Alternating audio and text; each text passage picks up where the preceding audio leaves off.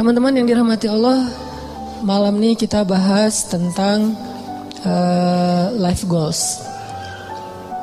Kalau dalam bahasa ulama itu disebut dengan himmah. Salah satunya disebut dengan him, himmah.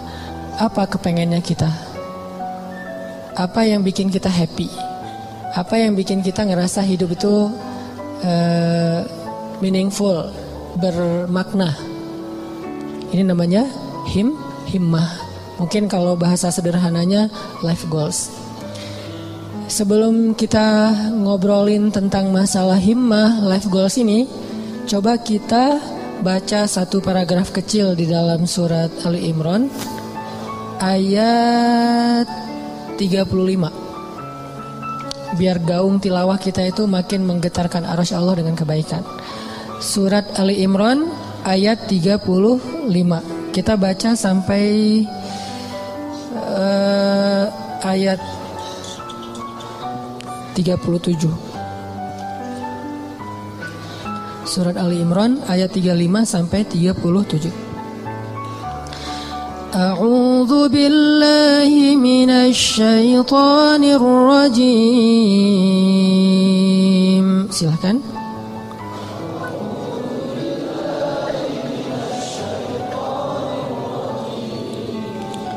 بسم الله الرحمن الرحيم.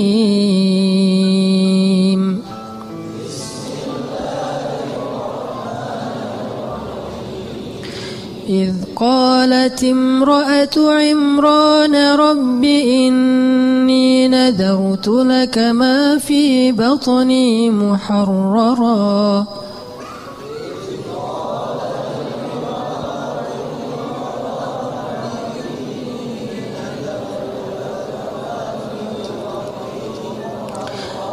فتقبل مني إنك أنت السميع العليم.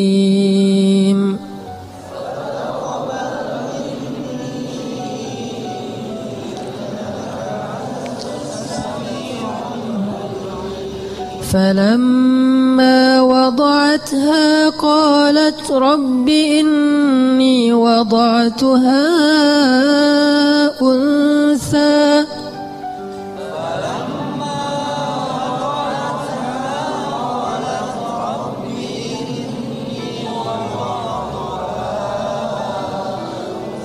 والله أعلم بما وضعت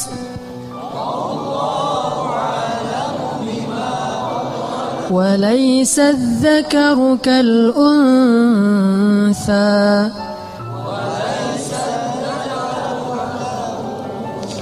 وإني سميتها مريم وإني أعيذها بك.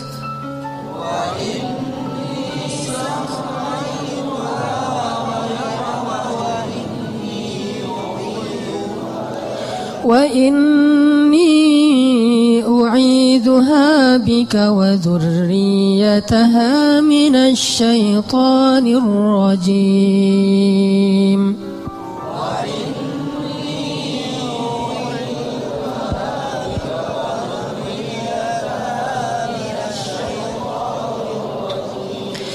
فتقبلها ربها بقبول حسن وأنبتها نباتا حسنا.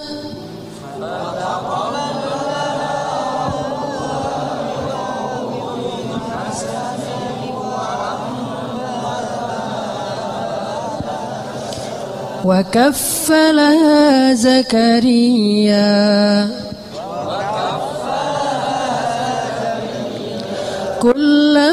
دخل عليها زكريا المحراب وجد عندها رزقا.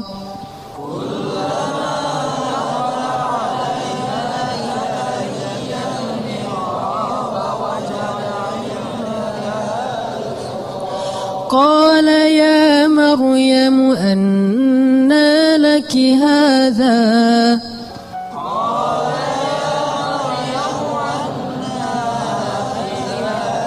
قالت هو من عند الله.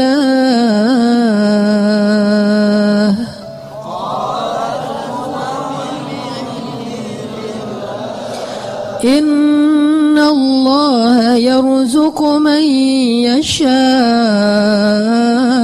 بغير حساب.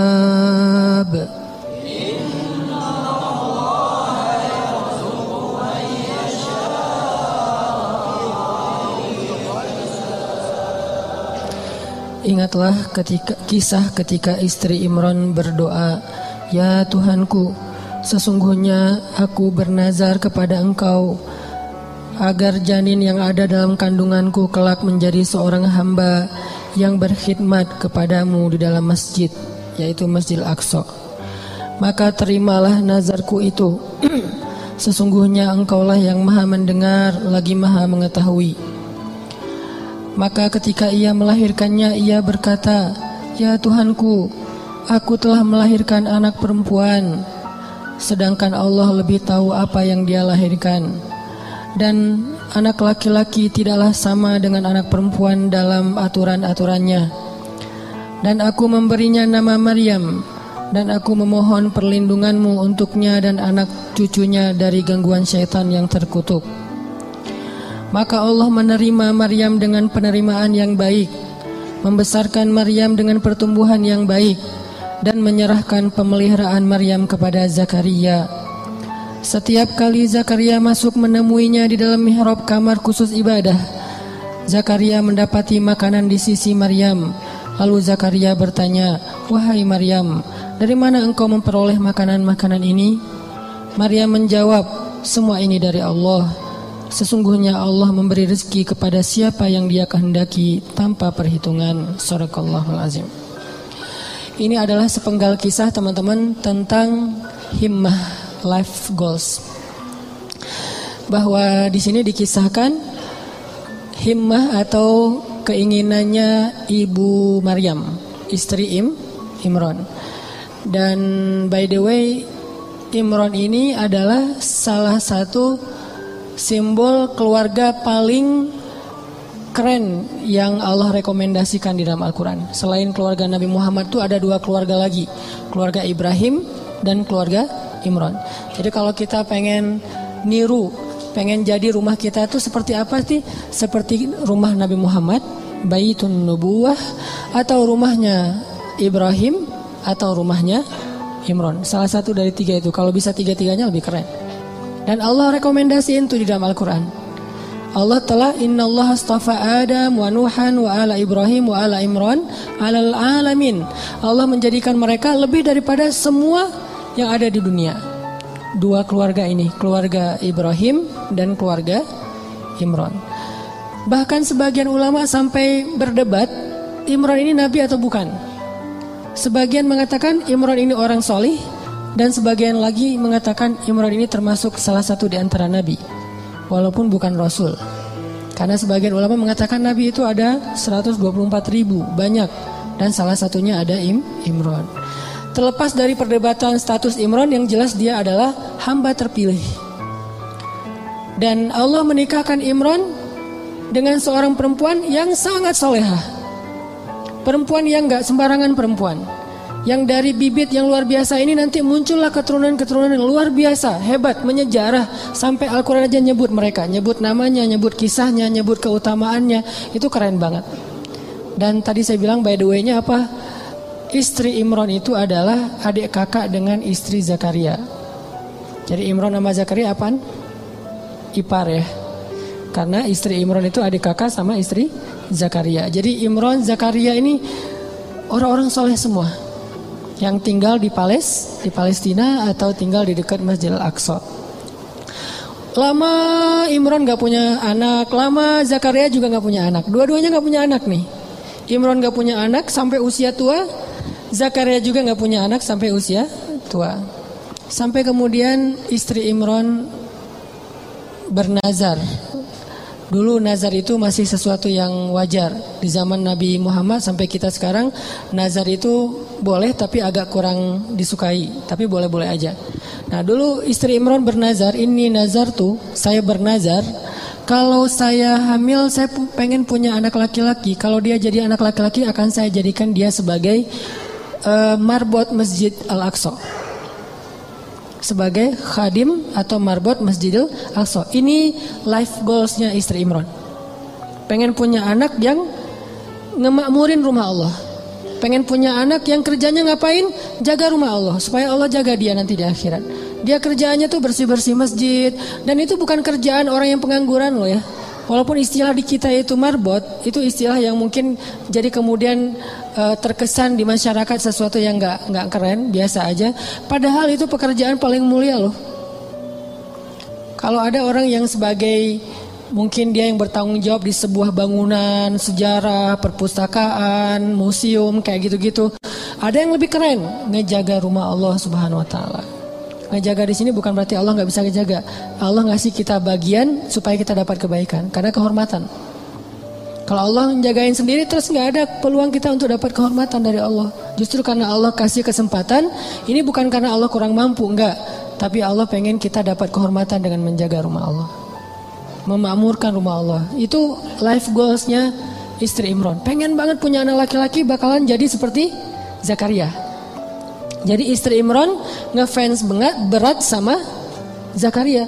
Ya Allah saya pengen punya anak laki-laki kayak gitu tuh, kayak ipar saya, kayak Zakaria. Mudah-mudahan anaknya laki-laki. Nazar sampai. Fataqabbal minni ya Rob. Terima ya Allah, terima. Nazar. Eh, dulu kan nggak ada USG ya. Ketawanya pas sudah lahir. Pas sudah lahir, kaget istri Imran. Robbi, ini wada'atuha unsa. Ya Allah gimana nih anaknya perempuan? Sementara walaisa dzakaru kal unsa. Ini perlu kita garis bawahin. Laki-laki tidak sama seperti perempuan. Ini bukan bab emansipasi. Bukan Islam anti kesetaraan gender, bukan. Maksudnya adalah dulu tradisi orang uh, Bani Israel, tradisi orang Yahudi yang ada di Palestina, perempuan tuh nggak boleh menjadi marbot di masjid. Perempuan itu nggak boleh belajar di dalam masjid. Perempuan itu nggak boleh bahkan masuk ke masjid kecuali terbatas sekali gitu. Jadi maksud laki-laki tidak sama dengan perempuan maksudnya tradisi yang berlaku waktu itu tidak sama laki-laki dengan perempuan. Ini bukan doktrin bahwa Islam itu nggak mengakui perempuan, bukan. Kita harus balik lagi ayat itu kembalikan lagi kepada konteks sejarahnya. Makanya saya sering bilang jangan menjat sejarah dengan angle kekinian, pasti jadi salah paham. Kalau kita menilai sejarah tapi pakai persepsi kekinian, kita akan sering salah paham terhadap sejarah. Kok gini sih, kok gitu sih? Kenapa? Karena kita ngelihatnya benturan dengan culture kekinian kan? Makanya kalau pengen ngerti sejarah, pakailah angle sejarah. Jadi yang dilihat bukan cuma adegannya, sampai persepsi sejarah, emosional sejarah, lengkap gitu. Jadi sejarah itu sampai baper. Jangan cuman adegan tapi persepsinya kekinian, gak nyambung. Nah pada masa itu Laki-laki dan perempuan itu dibedain tentang masjid. Laki-laki boleh masuk ke masjid bebas, boleh berkhidmat di masjid, boleh belajar di masjid, boleh jadi ulama di masjid. Perempuan nggak boleh. Beda dengan di Islam kan? Kalau di Islam justru sebaliknya. Sama laki-laki dengan perempuan dalam masjid, cuman beda fikih. Kalau perempuan lagi haid nanti ada batasannya. Tapi kalau perannya di dalam masjid boleh banget. Buktinya apa? Aisyah itu ngajarin hadis di dalam masjid loh, dan muridnya laki-laki. Muridnya Aisyah itu juga banyak laki-laki laki-laki. Walaupun berdua ngajarnya tuh Abu Hurairah sama Aisyah. Tapi banyak hadis-hadis yang uh, Aisyah tahu, Abu Hurairah nggak tahu. Atau hadis-hadis yang Abu Hurairah tahu, Aisyah nggak nggak tahu. Sehingga mereka kayak saling uh, mention gitu, saling broadcast. Aisyah broadcastin dong hadis-hadis yang gue nggak tahu di broadcast sama Aisyah. Nanti Aisyah juga uh, apa minta dari Abu Hurairah saling transfer hadis. Bukan untuk mentahzir ya, mereka mentransfer hadis bukan untuk nyalah-nyalahin, wah apa salah lo, enggak. Mentransfer hadis itu untuk saling sharing kebaikan, motivasi sifatnya. Oh ada hadis gitu ya, iya iya gitu. Jadi dalam Islam Abu Hurairah uh, Aisyah ngajar di masjid, nanti ada tokoh-tokoh perempuan yang luar biasa banyaknya, termasuk yang paling legend itu kan Khadijah ya. Yang paling berpengaruh dalam dakwah Nabi kan Khadijah dan Khadijah itu nggak tinggal diam di rumah nungguin Nabi Muhammad ke mana ya udah jam segini belum pulang di telepon nggak diangkat aja kayaknya habis baterai deh gitu-gitu enggak Khadijah tuh nggak pasif di rumah loh ya, nggak bantu dakwah Nabi dia aktif. Cuman tetap ada ada kayak etikanya, ada moral moralnya. Di masa itu justru Allah pengen mengubah tradisi orang Bani Israel yang menganggap perempuan itu kelas kedua di antara masyarakat. Makanya Allah nyindir. Ini sebetulnya bahasa sindiran.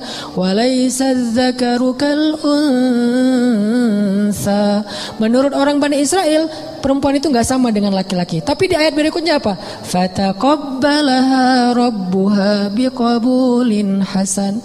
Tapi Allah sendiri nerima perempuan itu dengan penerimaan yang baik. Jadi Allah tuh pengen mengubah tradisi sebetulnya. Biar kita nggak salah paham terhadap ayat ini. Tuh ayatnya tuh nggak sama laki-laki perempuan.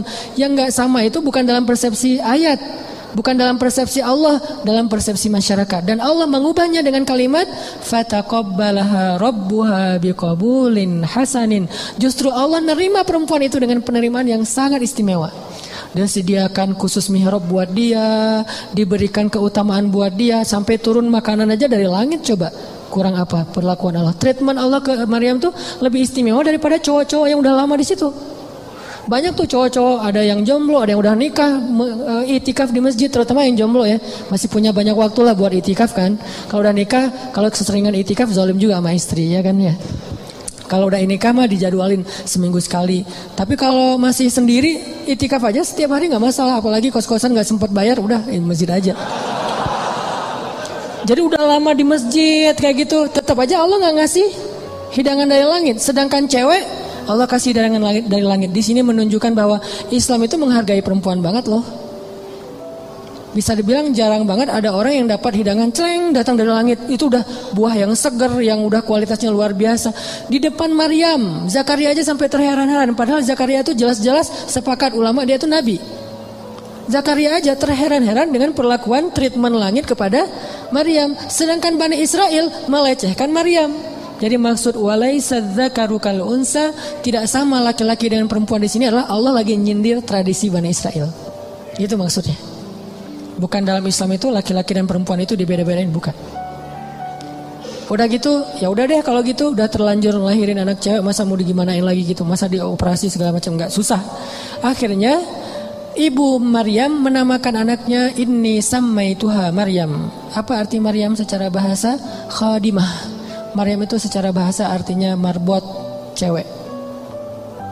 Jadi arti Maryam itu kha, khadimah yang berkhidmat itu bahasa uh, dulunya adalah Maryam kemudian jadi bahasa Arab. Ini Sammaituha Maryam. Saya pengen ngasih dia nama marbot perempuan bahasa singkatannya Maryam. Mudah-mudahan engkau menerima dia ya Allah. Akhirnya dikaderlah Maryam dari kecil. Bayangin teman-teman, Maryam usia 3 tahun udah nanya-nanya ke ibunya, "Mah, kapan aku ke Al-Aqsa? Kapan aku uh, apa beribadah di sana? Kapan aku disantrinin? Uh, kapan aku dimasukin ke pesantren?" Itu tiga tahun dan minta-minta kayak gitu. Malah ibunya yang nggak tega, "Mah, aku kangen dengan Al-Aqsa." Karena belum waktunya, karena ada waktunya nanti dia boleh ke Al-Aqsa. Maryam setiap hari naik ke atas bukit apa, menghadap ke arah Al-Aqsa dan berbicara dengan Allah. Ya Allah aku kangen dengan Al-Aqsa. Ya Allah aku pengen ke sana. Ya Allah ini daya tariknya Al-Aqsa. Jadi salah satu ciri orang beriman mencintai Al-Aqsa. Itu salah satu di antara bagian dari keimanan.